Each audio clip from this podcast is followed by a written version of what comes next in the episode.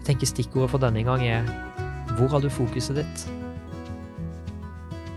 Hvor er det du bruker dine krefter? Og jeg tenker ja, svaret må jo være ikke bruk de mot hverandre. Bruk de mot det som bryter ned. Vær til velsignelse. Hei og velkommen til bibelstudiet hvor vi ser på Efeserbrevet. Og i dag så skal vi se på en eh, veldig spennende tekst på avslutningen som Paulus gir på Efeserbrevet, hvor han snakker om en eh, kamp. Men før vi går inn på det, så tar vi og ber litt sammen. Kjære Jesus, vi ønsker bare å takke deg for at vi kan få lov å sitte her, at vi kan få lov å være sammen og diskutere ditt ord. Og vi bare inviterer deg til å fylle våre hjerter og våre sinn og alle de som lytter og ser på, sånn at vi kan forstå hva du ønsker å si til oss gjennom Efeserbrevet. Vi bare legger denne stunden og takker og ber i Jesu navn. Amen. Frem til nå så har vi i hvert fall brukt to episoder på å snakke om litt sånn maktkamp og krig, vil jeg si. Vi har snakka om ekteskap, vi har snakka om foreldre og barn, dynamikken der, og slaver og slaveeiere. Og nå beveger Paulus seg over til å snakke om en annen type krig, og han sier vel kanskje på en måte at den krigen vi snakker om nå, det er den krigen som er verdt å kjempe. Så jeg lurer på om du, Camilla, har lyst til å bare lese for oss eh, Efeserne 6 fra vers 10 til og med 20. Til slutt, bli sterke i Herren, i Hans veldige kraft. Ta på Guds fulle rustning, så dere kan stå dere imot djevelens listige knep. For vår kamp er ikke mot kjøtt og blod, men mot makter og åndskrefter, mot verdens herskere i dette mørket, mot ondskapens ånde her i himmelrommet. Ta derfor på Guds fulle rustning, så dere kan gjøre motstand på den onde dag, og bli stående etter å ha overvunnet alt. Stå da fast, spenn sannhetens belte rundt livet, og kle dere i rettferdighetens brynje, stå klar med fredens evangelium som sko på føttene. Hold alltid troens skjold høyt, med det kan dere slukke alle den ondes brennende piler. Ta imot frelsens hjelm og åndens sverd, som er Guds ord. Gjør dette i bønn og legg alt fram for Gud. Be alltid i ånden, våk og hold ut i bønn for alle de hellige, også for meg. Be om at de rette ordene må bli gitt meg når jeg skal tale, så jeg frimodig kan gjøre evangeliets mysterium kjent, det som jeg er sendebud for, også mens jeg er i lenker. Be om at jeg ved evangeliet får frimodighet til å tale slik jeg skal.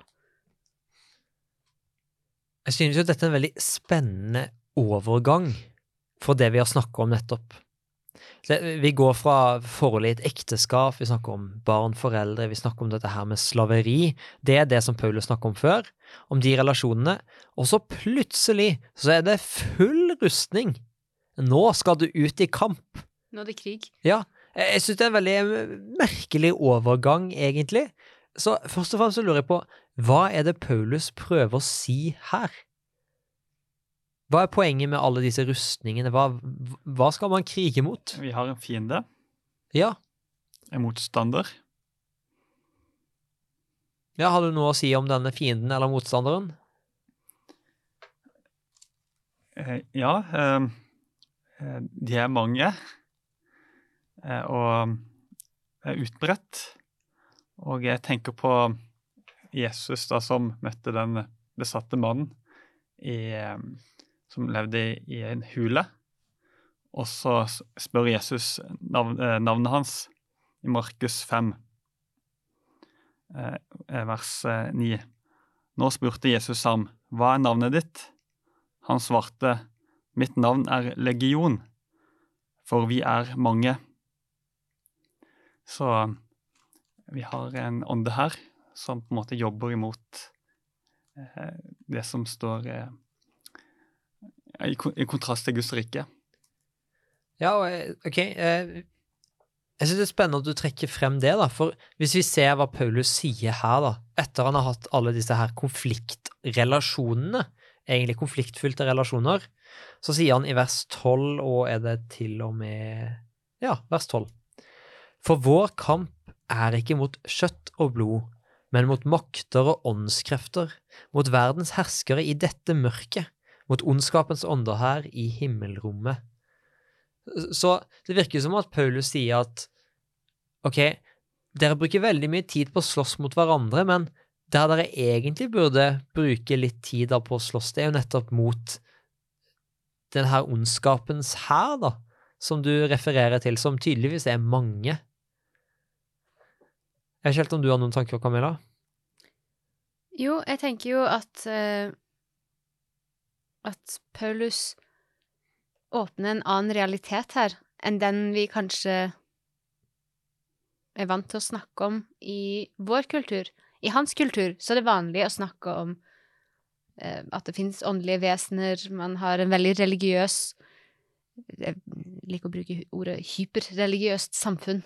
Altså alle har en tro, alle tror på et eller annet, alle tror på ikke bare guder, men også ånder, onde ånder, at forskjellige ting skjer hvis man gjør en, en spesiell ting, at man, man er veldig kontakt på en måte med en slags tankegang om at det fins eh, andre vesener som man ikke ser rundt den, eh, og som påvirker verden. Men for oss i vår, vårt veldig sekulariserte vestlige samfunn, så så er det kanskje ikke så vanlig å tenke så mye på det.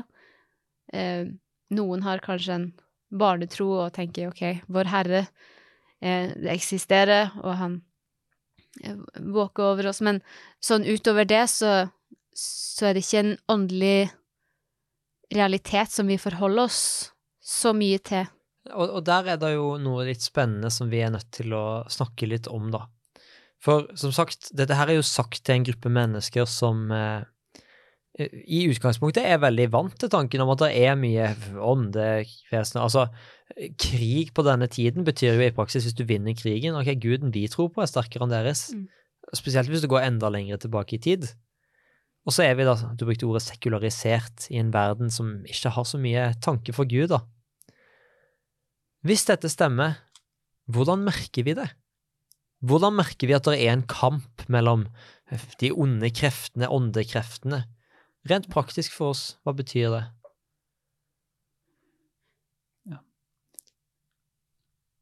Kanskje- Vi- Ja. Eh, Det er at vi må jo ruste oss opp. Ta på Guds fulle rustning eh, for å bli stående. Jeg tenker jo kanskje det er skrittet videre, men, men hvordan merker vi det? Rent praktisk. Hvis du ikke er vant til å snakke om demoner eller en sånn her type språk, hvordan Ja, Det er bare å se på TV, ja, ok. nyhetene. Så ser vi at det her er mye ondskap.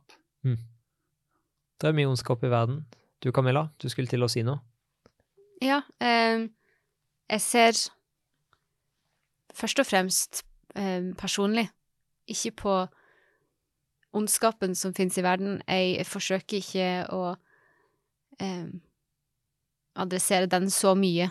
Eh, når jeg tenker på, på det åndelige, da tenker jeg stort sett på det gode jeg ser, eh, og på en måte hva, hvordan Gud virker i mitt liv på ulike måter. Um, men det er også kanskje noe, noe som jeg har mista, da, i Ved å leve i dette sekulariserte samfunnet. At jeg, når noe vondt skjer, så tenker jeg mer på det som en negativ konsekvens av et eller annet som skjedde, enn en at jeg heller kan eh, faktisk være en, en del av et større bilde. Ja, jeg tror det også henger litt sammen med, med, men det som vi snakka om eh, flere ganger faktisk tidligere. Denne her troen som Paulus har, hvor når han ser gode ting, så sier han takk, heller enn at når han ser de kjipe tingene, så sier han Gud, hvorfor? Mm. Eh, men, men Paulus har også i romerbrevet så syns jeg han har en veldig god beskrivelse som jeg tror veldig mange av oss kan kjenne oss igjen i, sånn rent praktisk, om hvordan erfarer vi dette her med den her kampen mellom godt og ondt. Eh, I Romerne kapittel 7 så har han et eh, bilde hvor han snakker om, eh, sin, om sin egen kropp, da. Og da sier han fra vers 19 og utover da i Romerne kapittel 7 Det gode som jeg vil, gjør jeg ikke. Men det onde som jeg ikke vil, det gjør jeg. Men gjør jeg det jeg ikke vil, er det ikke jeg som gjør det, men synden som bor i meg. Jeg finner altså at denne loven gjelder. Jeg vil gjøre det gode, men kan ikke annet enn å gjøre det onde. Mitt indre menneske sier med glede ja til Guds lov, men jeg merker en annen lov i lemmene. Den kjemper mot loven i mitt sinn og tar meg til fange under syndens lov som er i lemmene. Jeg ulykkelige menneske, hvem kan fri meg fra denne dødens kropp? Og jeg, jeg tror det Paulus beskriver her, er noe som veldig mange av oss kan relatere til. På et veldig enkelt nivå så tror jeg han sier når du sitter og ser på TV en fredagskveld eller en annen dag i uka, så har du åpna en, en sjokoladeplate, og så er du veldig, veldig godt klar over at det å spise hele denne sjokoladeplata, det er ikke en så veldig god idé. Men hånda, den er ikke helt synkronisert med det, så du bare tar mer og mer og mer til sjokoladeplata, chipsposen eller godteposen eller hva enn du har eh, støffa ditt stuebord med, til det er nesten tomt. Så han sier jeg har en forståelse av at det er noe som er godt, noe som er rett å gjøre, som jeg egentlig tenker ja, jeg har lyst til det, men det er et eller annet i lemmene, et eller annet fysisk rundt meg som jeg bare kjenner drar meg mot det som jeg egentlig ikke vil gjøre, da. Mm. Og jeg, jeg føler i hvert fall at det er en ganske god beskrivelse av eh, én del av dette her med den åndekampen som er rundt oss. For jeg, jeg tror vi kan erfare den på to måter. Den ene er i oss og rundt oss. Jeg, jeg tenker at i oss så kjenner vi det på den måten at vi har en forståelse av hva vi burde gjøre, men så gjør vi noe annet. Jeg vet at jeg burde stå opp tidligere, jeg vet at jeg burde løpe, jeg vet at jeg burde, men jeg, jeg får det ikke til. Kroppen min gjør noe annet enn jeg vil. Mm. Men så ser vi det også rundt oss. Jeg hadde det sånn eh, for, eh, for noen år siden så hadde jeg en spesiell lærebok eh, i, et, i, et, fag som jeg måtte ta eh, der jeg studerte. Og hver gang jeg åpna Jeg klarte ikke å åpne den boka engang. Hver gang jeg la denne boka på pulten Jeg hadde bestemt meg for at dette er et fag jeg skal elske så høyt. Um, og hver gang jeg tok fram denne boka, så bare kjente jeg i meg Nei, ikke. Før du går videre i denne historien, kan jeg få høre hvilket fag dette var? Eh, dette faget kan eh, få lov til å forbli et eh, anonymt fag. Ja, ok. Det skal få lov å forbli anonymt. Det skal være et anonymt fag. Um, men jeg prøvde virkelig å, å elske dette anonyme. Vi kan kalle det for um, podkastfag. Podkastfag, ok. Ja. For å gjøre det enkelt for våre lyttere. Hver gang jeg åpna podkastboka, så, så, så sa den nei. I hele min kropp.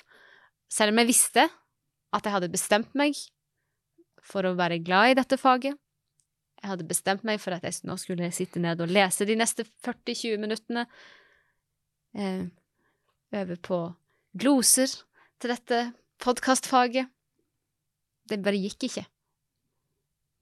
Eller jeg, det hadde gått, men jeg kjente at det var to forskjellige greier som, som Ja. Som rørte seg rundt inni meg, og det er vel kanskje noe av den samme typen f- stemning, sinnsstemning, som, som Paulus beskriver her. Og Det er nok mange av lytterne som også kan kjenne seg igjen av det. Mm. Eh, mange har kanskje hatt eh, nyttårsforsetter og sånn. Har dere hatt det? Hatt mange av de. Hvordan har det gått? Uh, ja. Det kan forbli anonymt, jeg tenker. Ja. Ikke så lett.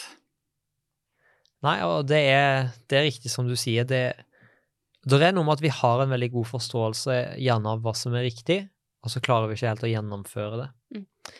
Og, og så tenker jeg da at når vi snakker om dette her, med denne kampen, hvorfor er det så viktig?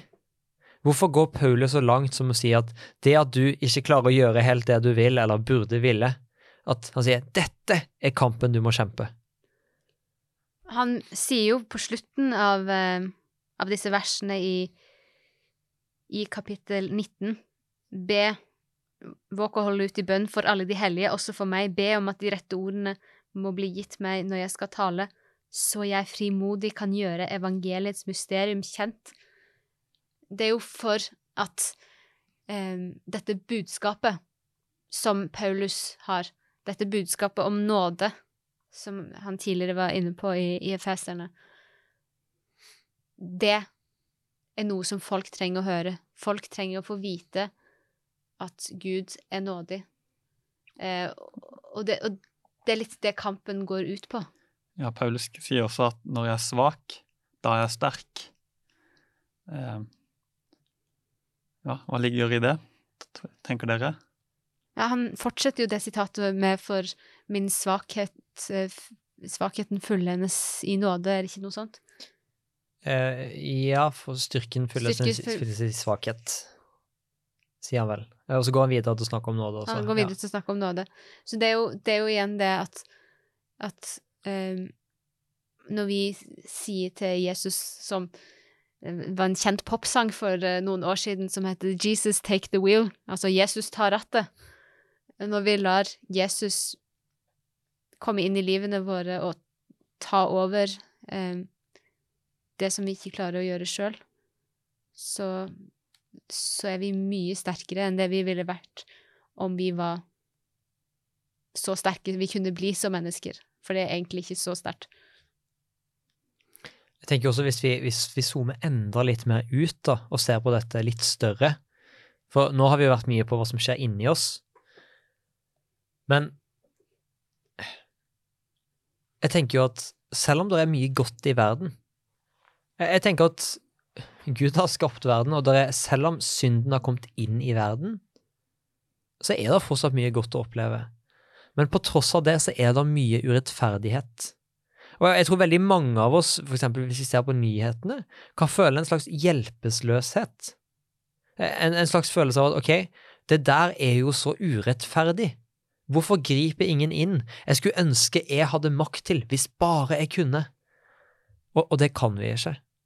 Og, og så utover de tingene så har vi naturkatastrofer og, og verden som virker som den kan vende seg litt mot oss. Så har vi det med oss selv, da. Paulus roper jo 'Hvem kan fri meg fra denne dødens kropp?' i Romerne. Det ble vel 7.24, kanskje. Og så sier han rett etterpå 'Gud være takk i Jesus Kristus' i vers 25. Og jeg tror bildet her handler om at vi ønsker jo noe bedre.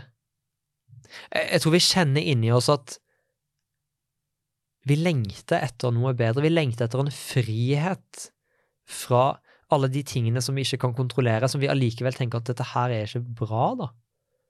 Og jeg tenker at når Paulus sier dette her er så viktig, så, så tror jeg ikke nødvendigvis det handler om at du må leve et perfekt liv. Nå skal du ta på deg rustningen så du kan være perfekt. Men jeg tror det handler om ta på deg rustningen sånn at du kan beholde din frihet. Den friheten som Jesus har kjøpt til deg, da. Jeg vet ikke om dere tenker om det? Jo, og det er jo litt det hintet man får kanskje når man begynner å gå inn på hva de forskjellige delene av denne rustningen er for noe. Eh, at, at det er noe som peker fram mot at eh, ja, denne nåden er det som som kommer til å forsvare deg. Og det er også et veldig vakkert bilde, igjen, eh, fordi menneskene som, som tidligere har Jeg kommer tilbake til toxic relationship, eh, som jeg om, har snakka om i noen episoder. Det å, å være Ha et bilde av Gud som en som er ute etter å ta deg, eh, og la det bildet gå, og så blir det bildet erstatta med et bilde av en gud som ønsker å nå deg, som ønsker å elske deg, eh, og la deg kjenne at du er elska, og at du er velkommen, uavhengig av hva man Det er et utrolig stort og mektig eh, bilde. Man kan komme til Gud akkurat som han er. Mm. Og, og det er jo dette som, som er så viktig for Paulus, som han ønsker å forsvare. Ja, jeg tror også det er viktig at vi kanskje til å utvide det bildet du bruker, da. En ting er denne guden, hvis du har et dårlig gudsbilde, en gud som er ute etter å ta deg, Mm. og så viser det seg at nei, det er en gud som er ute etter å fri deg. Mm. Men eh, det er jo også for de som har et gudsbilde av en gud som ikke finnes, eller en gud som ikke bryr seg. Mm. så er det også en realitet her av at Men det er en Gud der. Og han ønsker å gjøre seg selv kjent, nettopp for at du skal ta imot han. Vi, hadde jo tidligere dette her bildet med gjenerobring av hjerter, som vi diskuterte. At det- var mye av den kampen som egentlig pågår, da. At Gud ønsker å vinne ditt hjerte. Og eh, jeg tenker jo her da at noe av det som man virkelig skal beskytte, da, og er grunnen til at rustningen kommer, grunnen til at kampen er mot ondskapen, det handler jo nettopp at hjertet ditt er så viktig. Det er også derfor eh, ordspråkene fire Er det 13 eller 23 som sier 'bevar ditt hjerte fremfor alt du bevarer'? For fra det går livet ut. Ja. Det er en del som ikke eh, eh, oppsøk, går i menigheten på grunn av at de føler seg uverdige. Men er er ikke det litt som å ikke ta et bad fordi man er for skitten? Nei, fordi man er for skitten. Kan man være for uverdig til å gå inn Gå og lytte til Guds ord? Det er et godt poeng der. Men da er det kanskje også viktig for de som er i menigheten, at man gjør det til et sted der folk føler at de kan komme. Eh, komme og, som skitne og bli reine. Holdt jeg på å si at man kan komme dit som man er, og få det man trenger for å komme videre. Og jeg syns jo der er du faktisk inne på noe av det som er veldig viktig i den avslutningen her av Efeserbrevet, som vi er inne på. For vi har nettopp snakka om disse her konfliktfylte relasjonene, potensielt konfliktfylte relasjonene. Og vi har så lett for å på en måte se på andre mennesker og tenke at vi er i krig. Og så sier Paulus nei. Dere trenger ikke krige. Her er måten dere skal leve på. Og, og også i møte med kirka. Det er så veldig lett for en menighet eller menighetsmedlemmer å tenke å, men vi er i krig mot de som ikke tenker som oss, eller de som ikke går i kirka og tenker å, nei, men disse er i krig med meg, eller Men det er jo ikke der Paulus eller Gud har sitt fokus. Fokuset er jo nettopp på den ondskapen som er her, og bryter ned mennesker. Som virkelig ødelegger menneskeliv, da, og for så vidt også resten av skaperverket. Så han vender egentlig blikket bort fra Jeg ser for meg en stor slagmark. At du på en måte er der, og du bare slåss vilt rundt deg. Og så, så får du muligheten til å gå opp en høyde, og så ser du at Å ja. Men det, det var egentlig ikke noe kamp her. Var det egentlig bare mennesker som sto her og prøvde å gi meg en klem, eller et eller annet? Jeg aner ikke, men det er akkurat som du Han sier, folkens, ta et skritt tilbake, da, og se. Det er ikke hverandre dere skal slåss mot. Ta med deg Gud på laget, og heller bli med og slåss mot det som bryter ned, og heller bekjemp det onde med det gode, som Paulus også skriver. Vi går jo sammen med Net, og eh, der sier vi at dette bygget skal ikke være et museum for helgener, men et sykehus for syndere. Mm. Menigheten ble innstiftet med disse ord. Jeg synes det er, det er veldig fine ord, egentlig. Nettopp det å Ja. Også for å være i stand da, til å bevare den friheten eh, som vi finner i Kristus, så, så er vi faktisk avhengig av å komme til Han. Kanskje også stå litt sammen. Jeg tenker fellesskap er en veldig viktig ting som vi kanskje kommer tilbake til i neste episode, når vi også skal gå litt mer detaljert inn på, på hva denne rustningen, konkret, hva er det Paulus sier at hva, skal du gjøre, hvordan gjør du det? Men eh, jeg tenker stikkordet for denne gang er hvor har du fokuset ditt? Hvor er det du bruker dine krefter? Og jeg tenker ja, svaret må jo være ikke bruk de mot hverandre. Bruk de mot det som bryter ned. Vær til velsignelse. Jeg tenker vi kan eh, avslutte der for denne gang. Kjære gode far, tusen takk for at vi kunne få lov å sitte her og diskutere litt, og du ser at det Det er en litt uvant og litt vanskelig tanke å snakke om dette her med, med ondskap, med, med åndehærer og alle disse tingene, og far. Hjelp oss allikevel å se din kjærlighet mye klarere i møte med alt dette. For når vi kjenner på kroppen at uh, det er ting som ikke er som det skal, og vi lengter etter noe bedre, må du hjelpe oss til å ha en tro som Paulus som gjør at vi skjønner at det finner vi hos deg. At når vi ser de gode tingene, så ser vi deg bakom det. Så far, må du bare hjelpe oss til å ja, vende kreftene våre og våpnene våre mot de tingene som faktisk må bekjempes. Og istedenfor å slåss mot hverandre, hjelp oss å bygge hverandre opp i tro og i kjærlighet, så vi kan få lov å stå rotfesta og grunnfesta med deg som hjørnestein. Det takker vi og ber om i ditt hellige navn. Amen.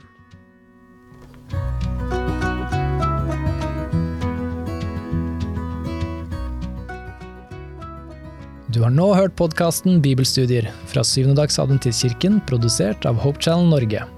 Husk å følge podkasten, og inntil videre Guds velsignelse.